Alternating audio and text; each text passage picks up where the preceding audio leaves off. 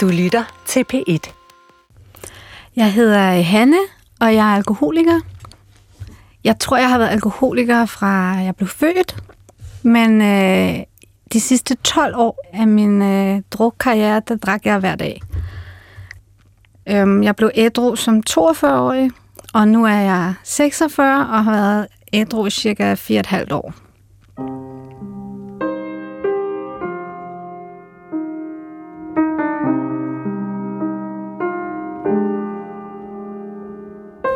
Jeg har prøvet at være til psykolog flere gange, og så har jeg prøvet at sige lidt, måske jeg drikker hver dag, eller, men der er ikke... Det hjalp ikke, og det, men jeg, jeg var heller ikke helt ærlig om det, så det var også svært for dem at hjælpe mig.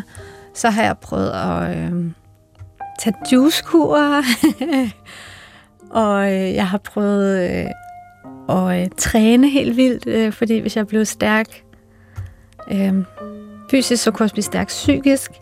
Øh, jeg har prøvet at, sige mit, at få overlov for mit arbejde og tage til Nice i tre måneder, hvor jeg, planen var at holde op med at drikke, men i stedet for så, så var jeg bare alene, og så kunne jeg virkelig drikke de tre måneder, og der var der ingen, der vidste.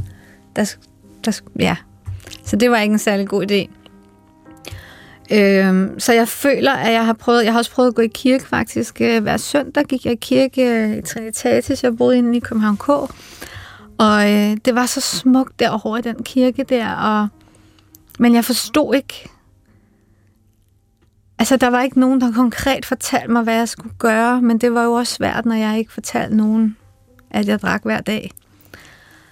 Jeg har haft nogle kærester, der har pointeret det, men aldrig øh, sådan, aldrig nogen, der har sagt, om jeg skulle i behandling, eller...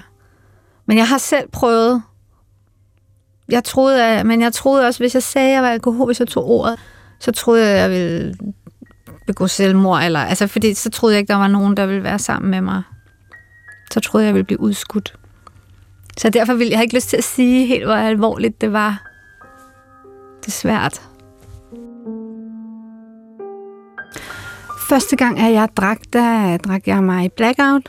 Og jeg var sammen med mine forældre på en ferie. Og det var ikke sådan noget med, at vi skulle drikke og være fulde. Men øh, jeg ved ikke, da jeg fik øh, en, så, så ville jeg bare gerne have mere, og jeg tror ikke selv, jeg tænkte over det videre, men jeg blev meget, meget fuld og kom i blackout, og min mor og far måtte lægge mig i seng. Og det har vi ikke rigtig snakket om bagefter nogensinde. Det blev bare sådan lidt... Så jeg tror næsten fra første gang af, så skammede jeg mig lidt over, at jeg havde drukket mig så fuld. Men det var alligevel ikke sådan, så jeg ikke gjorde det igen. Og så har jeg bare drukket, øh, mens jeg var ung. Øh, jeg har været i restaurationsbranchen i mange år, og øh, jeg har drukket, jeg har arbejdet i Nyhavn, og der var tit en fest bagefter, og jeg har arbejdet i London i fem år, og der var også altid en fest øh, på fridagene eller efter. Det var naturligt at drikke efter øh, service. Så der tænkte jeg egentlig ikke så meget over det, andet end at øh, jeg var ung, og jeg ville stoppe når jeg blev voksen og skulle have børn og rigtigt job og sådan noget. Jeg havde ikke nogen bevidsthed om, at jeg, altså om at være alkoholiker, men jeg var altid den, der kom i blackout, og jeg var altid den, der ikke ville hjem. Og øhm, jeg var altid den, der sørgede for, at der var ligesom nok. Altså hvis mine veninder, de havde købt en flaske champagne, så havde jeg altid købt tre, eller... Altså jeg var altid sådan festens liv. Og jeg elskede at, jeg elskede at holde middag, og al, altså alting, hvor man kunne få lidt alkohol med indover.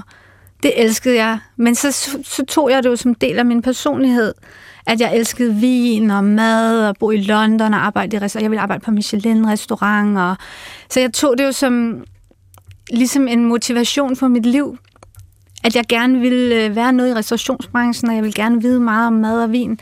Men nu, når jeg ser tilbage, så tror jeg, jeg var tiltrukket af det fordi jeg er alkoholiker. Men jeg vidste bare ikke, jeg var. Og så i den branche, der kan man, i hvert fald i London, hvor jeg var, der drak vi hver dag. Men, men det var jo, der var jo ikke nogen, der tænkte, vi var alkoholikere. Vi drak bare hver dag efter service. Så satte vi os ned og fik mad, og så måtte vi drikke husets vin. Og der var aldrig nogen, der sagde, om det var et eller fem glas eller ti. Så vi, det, det var bare en sjov hverdag, og vi havde altid det der med, hvis du kan feste hårdt, så kan du arbejde hårdt, og det synes jeg bare var fedt, og det var et fedt liv, og det var masser af god mad og vin, og men når jeg ser tilbage nu, så kan jeg godt se, at jeg i mange, mange år har drukket hver dag, også da jeg var ung. Og at jeg faktisk var afhængig af det. Og når, jeg, når der ikke var, hvis jeg havde fri, så drak jeg også. Men der følte jeg ikke, jeg var, jeg var ikke bange for det. Der, der tænkte jeg bare, der holder jeg op. Når jeg bliver voksen, så holder jeg. Så får jeg et liv, og så får jeg et hjem, og så... Så nu, nu skal jeg bare give den gas, fordi jeg er ung, og jeg, jeg, jeg har det sjov. Så det behøver jeg ikke bekymre mig om. Jeg føler egentlig ikke, at jeg drak mig fra noget, og der er også øh, mange alkoholikere, der gerne vil have en grund til, hvorfor de er alkoholikere. Men det, i min opfattelse, så er det en sygdom, og den er man født med. Og jeg drak ligesom mine veninder gjorde, da jeg var ung, og ligesom alle andre danskere eller andre mennesker gør. Og der var nogen, der ikke tålte det, og det er jeg en af dem, der har den sygdom. Og den tager bare meget lang tid om at udvikle sig. Så jeg var egentlig, jeg var overhovedet ikke bekymret. Men jeg tror ikke, jeg havde noget at stille op. Altså, der var ikke noget, jeg kunne have gjort. Og jeg, jeg kan ikke skylde skylden på, at jeg har altid haft meget kærlige forældre, og boet i meget trygt hjem, og jeg har altid haft mange veninder, og øhm, jeg har aldrig rigtig haft meget modgang. Jeg har altid haft penge øh, på kontoen, og så der er ikke noget, jeg kan sige, der har været mega hårdt. Det kom så senere i mit liv, øh, men, men da jeg var ung, var der ikke nogen... Øh, så jeg drak ikke, fordi jeg skulle væk fra noget. Jeg drak, fordi det var mega sjovt. Og øh, det var en fest at arbejde i London, og der var masser af forskellige øh, nationaliteter, og øh, der var virkelig meget god mad, og vi nørdede det, og det var fedt. Det var bare skide sjovt.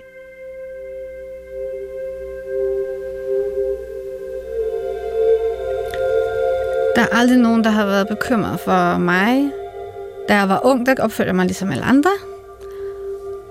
Da jeg blev ældre, og det faktisk var et problem, så, tør, så tror jeg ikke nogen af mine øh, nærmeste... Altså, det er slet ikke noget, folk har lyst til at se i øjnene. Og sådan en som mig, som er en umiddelbart pæn og ordentlig pige med styr på livet, det er ikke sådan en, man tænker er en alkoholiker. Så men nogle gange øh, har jeg, jeg har kommet det meget for sent i mit liv, og øh, jeg har øh, tit lugtet af alkohol, øh, hvis vi skulle løbe om morgenen med nogle veninder, eller... Men der er aldrig nogen, der har taget fat i mig og sagt, tror du, du har et problem med alkohol? Øh, og det tror jeg er... Det tror jeg er enormt grænseoverskridende. Øh, og jeg har heller aldrig bedt om hjælp. Så jeg har drukket meget alene, i starten var det sammen med andre. Til sidst har man ikke lyst til at drikke sammen med andre, fordi så kan man ikke drikke nok. Øhm, og så er det ikke en fest længere, så bliver det et misbrug. Da jeg bliver øh, 30, der bliver jeg, eller lidt før, øhm, 28 bliver jeg gravid. Og øhm, der skal, så vil jeg hjem til Danmark. Jeg bor i England, og øh, jeg vil så hjem til min mor at have det her barn sammen, og jeg tager ham englænderen med hjem. Men der har jeg jo ligesom... Jeg har ikke passet mine relationer i Danmark, fordi jeg tog bare til England og skulle feste og uhu. Så jeg, jeg har faktisk ikke særlig mange relationer i Danmark, der kommer hjem, andet end min familie. Og gå fra et liv i London med fest og farver, og så til at komme til Greve og sidde øh, med et barn. Øh, jeg flyttede hjem til min mor og far, det var ligesom sådan en øh, helt øh, skifte, en vendepunkt i mit liv. Jeg havde ikke rigtig planlagt at få det her barn heller, så det var også sådan en, det var noget, der bare skete. Og øh, så kommer vi hjem med min mor og far. Min far, han får faktisk også kraft den dag, jeg føder. Og øh, der rammer sådan livet mig, at det er hårdt det her. Og jeg mangler mine venner, og eller hele mit liv har ændret sig. Og så får jeg det her fantastiske barn, men min far han er meget syg samtidig med. Og der kan jeg ikke rigtig finde ud af at være i det. Og så så begynder jeg at drikke hver, altså så begynder jeg at drikke øh, om aftenen, når mit barn er gået i seng. Så begynder jeg at sidde og drikke vin, fordi jeg er, jeg er ked af det over, at jeg er flyttet fra mit liv i London. Og øh, jeg har ikke rigtig fået nogen uddannelse. Det har jeg lidt, sådan lidt glemt. Og øh, min far er syg, og jeg bor derhjemme. Og øh, det er sådan lidt det der liv, jeg drømte om, hvor jeg skulle have min egen restaurant. Og, altså, det er bare sådan helt væk. Og så begynder jeg så at sidde og drikke, når, når mit barn er gået i seng. Og øh, så passer jeg faktisk min far, øh, fordi min mor går på arbejde. Og øh, der bliver jeg bare mere og mere sådan ked af det, og jeg er jeg mister faren til min søn, øh, eller vi går fra hinanden, og så er jeg også alene med det her barn. Øh, og halvandet år efter, da min øh, far dør, der får min mor så Alzheimer's. Og så er det bare ligesom, jeg er ene barn. Og det er ligesom, om livet bare gav mig sådan en røvfuld, eller sådan, øh, det hele var mega sjovt. Og så lige pludselig, så var det bare, bum, far syg, mor syg, alene med et barn, ingen uddannelse. Og så, så drikker jeg hver dag om aftenen, men jeg føler ikke, at det er... Jeg føler bare, at nu skal jeg lige slappe af, eller sådan. Og så begynder jeg også at gå til en psykolog, da min far så dør og min mor får Alzheimer, så får man tilbudt sådan noget psykologhjælp af lægen, hvis man har pårørende, der er tæt på, der er døde eller får en alvorlig sygdom. Og hun siger til mig, du skal ikke være så hård ved dig selv, bare tag et glas vin. Og jeg prøver sådan lidt at sige, jeg tror faktisk, jeg drikker lidt for meget. Men hun siger, nu skal du ikke være så hård ved dig selv. Du skal, du skal bare tage et glas vin, slap af, du fortjener det. Så folk forstår ikke rigtigt, når de ser sådan en person som mig, øh, hvor alvorligt man kan være ude i et alkoholmisbrug. Fordi så skal man ligesom ligge på en bænk, eller lugte, eller... Men der er rigtig mange mennesker, der drikker hver dag og har store problemer, som ser helt normale ud, og har almindelige jobs og venner, og tager på ferie. Og der, der tror jeg, at jeg i en lang periode, i mange år, siger til mig selv, at nu skal jeg lige fikse, at min far er død, og nu skal jeg lige fikse, at min mor har Alzheimer's, og nu skal jeg lige fikse, at jeg er alene med et barn, og når, når, når det bliver fikset, så får jeg det godt. Så holder jeg op med at drikke. Så det er fordi, jeg drikker, fordi at der er nogle omstændigheder i mit liv. Nu har jeg lært, at jeg nok bare drak, fordi jeg var alkoholiker. Øhm, men det vidste jeg ikke dengang. Jeg havde en grænse, det var en flaske. Undtagen så i weekenden, der måtte jeg drikke mere. Så drikker jeg en flaske vin hver aften. Og det er også hårdt for kroppen. Altså, øh, det er hårdt at drikke en flaske vin hver eneste dag i mange år. Men så til sidst, så tager det der alkohol en, og så begynder jeg simpelthen at drikke, øh, så skal jeg ned på gaden og have mere end den ene. Og så bliver det til to flasker hver aften. Og så på et tidspunkt, så bliver det til at gå ud til køleskabet øh, og tage fryseren snapsen efter de to, og så hælde snaps direkte ned i svældet. Og der bliver jeg rigtig bange. Og så begynder det også med, at, at så tager det mere fat, så begynder jeg i weekenden at drikke måske klokken 10. Så når jeg faktisk at få tømmermand, og så begynder at drikke igen klokken 8 om aftenen, så jeg når at drikke to gange meget. Og der kan jeg godt se, nu er det ved at Altså, nu, kan, nu er jeg ikke længere i kontrol overhovedet. Så i lang tid føler jeg egentlig, at jeg sådan holdt den kørende. Men mit liv var i kaos. Jeg kom så for sent til fly. Øh, altså alt muligt kørte galt med bilen. Og, altså der var alt sådan noget kaos, fordi at jeg drak hver dag. Jeg åbnede ikke øh, min post. Og, altså sådan, men jeg kunne godt holde det sådan ud til. Men så til sidst der, hvor der, det, der skræmte mig allermest, det var at stå ved øh, fryseren, og så bare hælde det der snaps ned i... Der tænkte jeg, det er, nu, er den, nu er den helt gal. Altså, det kommer til at blive det her hver dag. Øhm, og det blev jeg rigtig, rigtig bange for. Og samtidig så fik jeg en stor depression af det.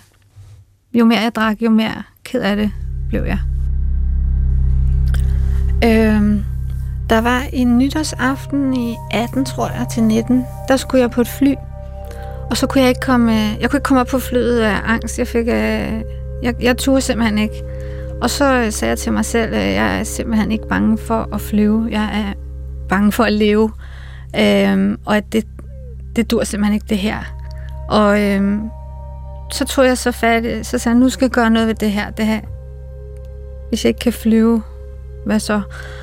Øhm, og så fik jeg fat i en personlig træner, øhm, som, hvor jeg så ville træne rigtig meget og blive rigtig stærk, så jeg kunne få styrken til at holde op med at drikke. Og der, der turde jeg så at sige faktisk, jeg sagde til hende, at jeg også havde, jeg var lidt bange for det her, jeg drak måske lidt for meget. Fordi hun snakkede, hun trænede ikke bare, hun snakkede faktisk med mig. Og det, jeg er meget taknemmelig over for den her træner, øhm, øh, fordi hun tog sig faktisk tid til at øh, snakke med mig. Selvom jeg gerne bare ville træne og være stærk ligesom hende. Jeg fandt ligesom en eller anden inspiration i hende øh, på Instagram, at hun var så stærk. Så jeg ville bare gerne have lidt af det, hun havde. Men så snakkede hun faktisk med mig, og øh, hvis jeg kom og lugtede af rødvin, så sagde hun til mig, at øh, så kunne vi ikke træne. Og så gik vi bare på øh, løbebåndet, mens hun stod ved siden af og snakkede. Og øh, så fik hun ligesom i det 10, jeg havde 10 uger træning to gange om ugen, der fik hun overtalt mig til at række ud. Fordi jeg ville ikke række ud. Men så fik hun ligesom ja, talt mig til rette. Og så til sidst så, ræk, så fik hun så lov til at række ud i hendes netværk af coaches. Og så fandt hun så en mand, som øh, kunne hjælpe mig. Og øh, ham mødte jeg så, og det viste sig så, at altså, jeg troede, han var coach, men han var så AA'er og havde været ædru i 17 år. Og øh, han kom hjem til mig, og så snakkede vi sammen i to timer. Og så, så var jeg erkendt alkoholiker. Øh. Jeg havde bare brug for at, at sidde over for en anden, som kunne sige til mig, øh, at det var en sygdom, øh, at når jeg får en, så skal jeg have en til, at jeg har et åndeligt men, øh, at, at øh, man bliver angst. Angst er en bivirkning. Alle de her ting, jeg kunne genkende. Øh. Og så spurgte han, om jeg ville med til møde, og så tog han mig med til møde. Og øh, så blev jeg bare modtaget øh, virkelig fantastisk. Øh, og det var sådan helt, øh, sådan en helt kærligheds øh, boble, jeg kom ind i. Øhm, og så ved jeg ikke, så, så kunne jeg bare... Øh, så vidste jeg godt, at det var der, jeg hørte, altså, jeg hørte til. Men det tog mig faktisk øh, fire, fem måneder at blive ædru. Selvom at jeg havde fundet det rigtige sted. altså i starten, så jeg ville jo gerne lave, fik en sponsor, og så lave trin. Øh, men jeg drak faktisk øh, stadigvæk. Og øh, hvis, man, hvis man drikker, så virker det ikke at lave trin. Så man bliver nødt til at sætte flasken. Øh, så var der en dag, hvor at, øh, at jeg øh, skulle lave det her tredje trin, og der, øh, der giver man sit liv til, lægger sit liv over til Gud. Og øh, det gjorde jeg så. Og så bagefter, så jeg har to hemmeligheder, jeg aldrig har fortalt nogen. Øhm, og så fortalte jeg det her to hemmeligheder, jeg virkelig skammer mig over. Så jeg kommer på knæ, og så lægger jeg mit liv over til Gud. Og så fortæller jeg, altså så bekender jeg mine sønner, øh, eller hvad du vil sige. Og øh, det var, så sagde øh, min sponsor så bare, at øh, det var ingenting. Det havde han også prøvet. Eller, og så fortalte han mig hans hemmelighed. Noget han havde fortalt dengang for 15 år siden, som han... Og det, det var ingenting nu. Eller sådan. Så blev det ligesom bare forløst. Og så gik jeg øh, på knæ øh, om aftenen og, og takkede for en ædru dag, og næste morgen så gik jeg på knæ og bad om at få en ædru dag. Og så har Gud hjulpet mig lige siden.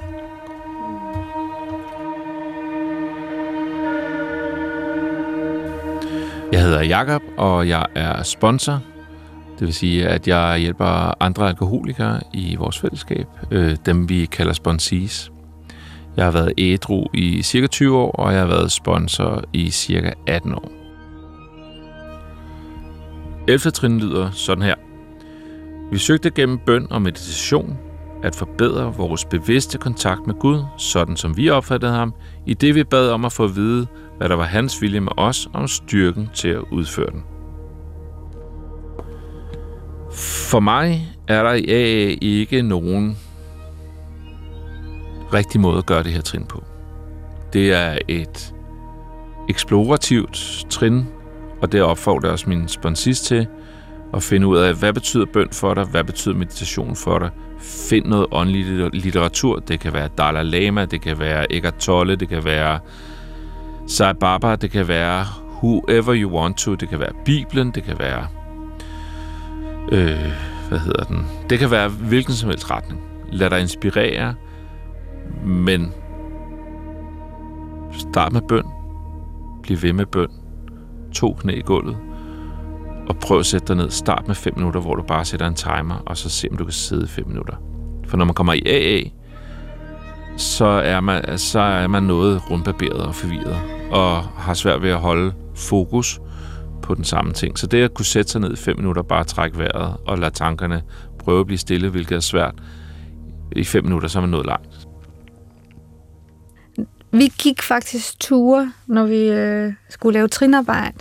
Jeg kan rigtig godt lide at gå. Og øhm, så gik vi bare og snakkede, og så, øhm, så kunne det være, at han sagde, hvad med at du læser øh, jeg har tolle Nurs kraft, eller jeg har lige den her øh, bog om meditation, eller det er jo også bare i samtalerne, hele samtalerne, øh, også i de daglige forslag, vi har i AA, øh, hvordan man siger måske ikke det 11. trin, men det 11. trin er faktisk at beskæftige sin sjæl. Og det kan for eksempel være, hvis man er ked af det, det kan være at ringe til en anden og spørge, hvordan de har det. Og så langsomt så lærte han mig, at hvis jeg kunne give, så kunne jeg få det godt. Og det vidste jeg ikke. Jeg har aldrig vidst, før jeg kom i AA, at, at det hang sådan sammen, at hvis man giver, så får man. Jeg har altid troet, jeg skulle have noget for at få det godt. Øhm, så det der med at øve sig i, at når man har det dårligt, så ringe til nogle andre. Være noget for andre. Spørg sig selv, hvordan kan jeg være brugbar i dag? Det er at beskæftige øh, sin sjæl i stedet for sit hoved, faktisk. Jeg lærte også at skrive en taknemmelighedsliste, som er meget simpel. Altså det er der, det starter 11. trinet. Det starter måske med, og så kan det komme videre til bøn og meditation. Og, men når man øh, lige har drukket hver dag i mange, mange år, altså så, så er man meget langt fra sin sjæl, så man er nødt til at starte med nogle små handlinger. Og det er altså den her taknemmelighedsliste, som betyder, at det har jeg skrevet hver dag nu i fire og et halvt år. Og så vokser det her. Det er sådan, man så igennem trinene øh, og handlinger, så kan man så få en åndelig opvågning. Og der kan man så begynde at meditere og, og på bøn på et lidt højere plan. Øh, I starten beder man måske bare om en ædru dag, og tak for en ædru dag. Men når man kommer længere hen, så kan man også bede for andre. Da jeg sidder for eksempel stille hver morgen i 10 minutter, øh, og giver slip i mine tanker. Øh, og det åbner faktisk mit hjerte, fordi så øver jeg mig i, hvis der er noget, der går mig imod på arbejde eller derhjemme, så kan jeg øve mig i at give slip, fordi jeg har øvet mig hver dag. Og det er ikke altid, jeg kan, og nogle gange tager det måske mange dage at give slip, hvis jeg bliver rigtig sur øh, eller rigtig ked af det. Men jeg kan stadigvæk meget nemmere give slip nu. Og det, jeg har altid, jeg har ikke forstået, hvorfor skal jeg give slip? Jeg har ret til at føle sådan her. Men jeg har lært nu, øh, min sponsor har lært mig, at selv retfærdig harm, det skader mig. Så selvom jeg har ret, og det var uretfærdigt, og, men hvis jeg skal gå og holde fast i det og bære af, så, så skader jeg mig selv. Og derfor så er det vigtigt, at man kan give slip for, for at være god ved sig selv. Ikke for at være god ved de andre, men for at, være, for at jeg skal have det godt. Og det lærer jeg for eksempel ved at meditere og lade mine tanker øh, køre forbi og give slip i dem. Og jo længere tid jeg gør det, jo større ting får jeg givet slip i. Og jo mere kan jeg være i nuet og være glad. Og være noget for andre. Det, som vi opfatter som meditation i dag, var ikke det, som der blev, blev skrevet i, i, i bogen i sin tid, der står der kontemplation. Og det vil sige, at det handlede om at sidde og tænke dagen igennem. Hvad skal jeg gøre i dag? Øh, og det er lige så godt. Hvad, skal hvad er det, jeg skal have ud af dagen? Skrive sit program ned. Øh, prøve at udføre det. Prøve at være til gavn for andre mennesker. Som der står, øh, hvad, hvad er min større krafts øh, formål med mit liv? Hvad er det, jeg skal, hvor skal jeg prøve at sætte, sætte ind henne, så jeg kan være til gavn? Øh, I virkeligheden handler det lige så meget om ikke at være åndelig doven, ikke om at sidde og kigge øh, Instagram og Facebook og Netflix hele dagen, men komme ud og gøre noget. Øh, og jeg synes faktisk, det er en af de store ting i AA, det er, og det hjælper, jeg prøver også at hjælpe min sponsisme, det er at prøve at, at være til gavn i livet. Det svære, det er at være åndelig ude i den rigtige verden. På arbejdspladsen, i familien, øh, sammen med dine venner, og prøve at være åndelig der, og prøve at være ydmyg, og prøve at være til gavn, og prøve at være trøstende, og ikke hele tiden rave til sig. Det er jo der, det er svært. Og det, der mener jeg, at, at A's budskab, det er at gå ud og være til gavn. Gå ud og være brugbar. Nu har du gemt dig nede i flasken i så mange år. Prøv at være noget for nogle andre mennesker. Prøv at være noget for din familie. Prøv at, at lave dit arbejde, som du bliver bedt om, hverken mere eller mindre. Det er for mig også 11. trin. Øh, om at finde en balance i livet, sådan at man ikke enten skal være helt fremme i bussen øh, og sidde og være overnørden, eller helt bag i bussen og sidde og, og feste øh, og, og være anti-autoritær, øh, men at sætte sig midt i bussen og prøve at være til gavn for dem, der er omkring en. Man bliver aldrig færdig med 11. trin. Det er jo, det er jo en daglig praksis, som, som man kun kan gå lidt dybere ned i, som ligger på daglig basis og prøve at og ikke bare lige knalde gulvene, øh, knæene i gulvet øh, øh, to minutter inden man går ud af døren. Man prøver at bære det med sig øh, hele dagen. Og det, det, det er da ikke nemt, men, men det er jo en øvelse. Når der står, der er jo masser af folk, som opfører sig fuldstændig utidigt af forskellige årsager, og prøver at bremse dig i din vej. Hvordan reagerer du på det? Det er jo der, hvor du måler din åndelighed. Så, så det er der, åndeligheden kommer til, og det er der, vi skal øve os hver dag. Det, og det bliver man ikke færdig med, lige meget hvad for en åndelig retning, du går i.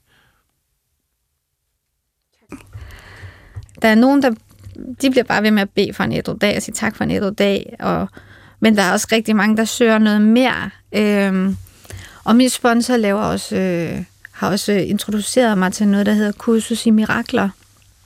Øhm, og sådan, også når man kommer i kredse, når, når man begynder at interessere sig for åndelighed, og så hører man jo så vokse, ligesom alkohol for misbruget vokser, så vokser jo også ens åndelighed, eller altså det, det man fokuserer på. Vi har jo hele magten i vores eget liv, og der, hvor jeg har fokus, det kommer jo til at vokse. Så hvis jeg bare sørger for at have fokus på øh, åndelighed, så, så kommer det helt af sig selv til mig. Øhm, og, og man får jo også nye venner, der Jeg har en, øh, jeg går over til et møde, hvor vi går, jeg går lige at gå, så er sådan en god gruppemøde, og vi læser alle sammen kursus i mirakler og, og taler om det, og det handler meget om at ændre frygt til kærlighed. Og det giver faktisk en enorm power, en kæmpe kraft ind i øh, en, at man, hvis jeg vil, så kan jeg ændre frygt til kærlighed. Og det kan alle mennesker, for vi har alle sammen kærlighed i os. Og det lærer man ved at læse kursus i mirakler. Jeg er en af dem, der altid har troet på Gud, men jeg har bare aldrig vidst. Jeg har aldrig nogensinde vidst, hvordan jeg skulle... Jeg vidste ikke, hvad taknemmelighed var, eller øh, hvad brugbarhed over for andre var, eller... Altså, kærlighed er også nogle gange at holde ud, øh, ikke bilde sig selv ting ind, øh, ikke finde på historier, øh, altså... Det kan også bare være øh, at sidde i stolen med sin hund, eller med sit barn, eller... Altså, det, der, der er mange, men, men det kan også være at lide nogle gange, eller så jeg føler egentlig, at jeg altid, men jeg har ikke rigtig, jeg har ikke vidst, hvordan jeg skulle øh, bruge det. Og jeg har slet ikke vidst, hvordan jeg skulle bruge det til min fordel, til at jeg kunne få det bedre. Jeg har altid haft enormt ondt af mig selv. Øhm, og i hvert fald efter det, jeg blev 30, hvor der skete en masse ting, så har jeg haft meget ondt af mig selv. Og det har jeg så nu fundet ud af, hvis jeg kan vende det om til at være medmenneskelig Altså det er det her med at være i nogle følelser, der føles godt. Fordi når man fastholder sig selv i det her egoisme, eller under mig selv, eller selvcentrerethed, fordi man, man tænker, jeg er ikke selvcentreret. Men det var jeg faktisk, fordi jeg tænkte ikke på, jeg havde ikke overskud til min søn, jeg kom tit for sent til familieaftaler, jeg var nok ikke helt forberedt, når jeg skulle på arbejde. Så jeg var faktisk meget egocentreret, selvom jeg følte, at jeg ikke var det. Øhm, og nu, nu har jeg lært, hvis jeg kan vende det om til at være medmenneskelig. Og det er sådan nogle ting som åndelighed og, og, og arbejde med sin sjæl, man finder ud af, hvor det er kæmpe store gaver. Så det er meget smukt, men det er også en meget stor bog, og man behøver ikke at starte der. Man kan jo læse... For eksempel synes jeg, at Tolles bog, Nuds Kraft, også er en fantastisk bog, hvor jeg har lært også at øh, stille mig ud for, nogle gange, når mit ego larmer, eller mine følelser synes noget er meget uretfærdigt, så kan jeg simpelthen tage mig selv, stille mig lidt ved siden af og kigge, og så grine lidt. Og det har han for eksempel lært mig. Jeg behøver ikke at identificere mig selv med det. Der er mange små tricks, hvis man gider øve sig, ligesom hvis man skal være god til matematik, eller man kan også blive god til det her. Og så det der er bare, det er, at øhm, belønningen for at øve sig lidt i det her, den er kæmpestor resten af livet. Jeg føler, jeg er i balance. Øhm, og der er ikke, jeg er ikke vildt glad, og jeg er heller ikke vildt ked af det. Men jeg har fundet en ro. Øhm, efter jeg har kommet i AA, så er der sket vi har noget, der hedder 9. trinsløfterne, og alle de løfter er gået i opfyldelse for mig, øh, og det er virkelig sandt. Øh, og det er det, der er så smukt ved det her program, fordi man skal gøre nogle få ting, og så sker ting bare helt automatisk, uden man kæmper for det, eller jeg har fået to hunde, som jeg elsker. Mit barn, han øh, efter et stykke tid, så øh, var vi til skolehjemsamtale, og mit barns lærer vidste ikke, at jeg var gået i AA. Og hun fortalte mig så, at øh, de sidste par måneder, der havde han udviklet sig øh, rigtig meget, specielt på hans selvværd.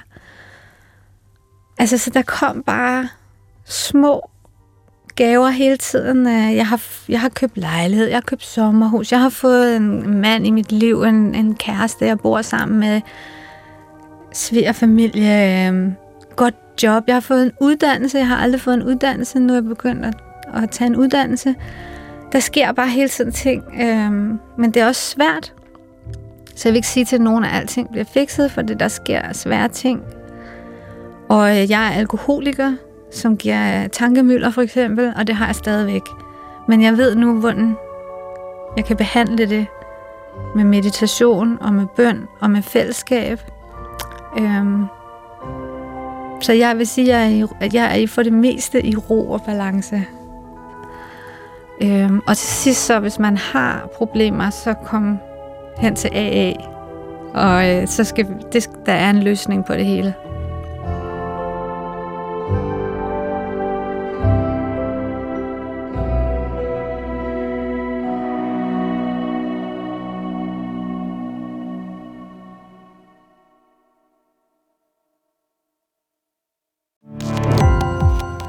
Gå på opdagelse i alle DR's podcast og radioprogrammer. I appen DR Lyd.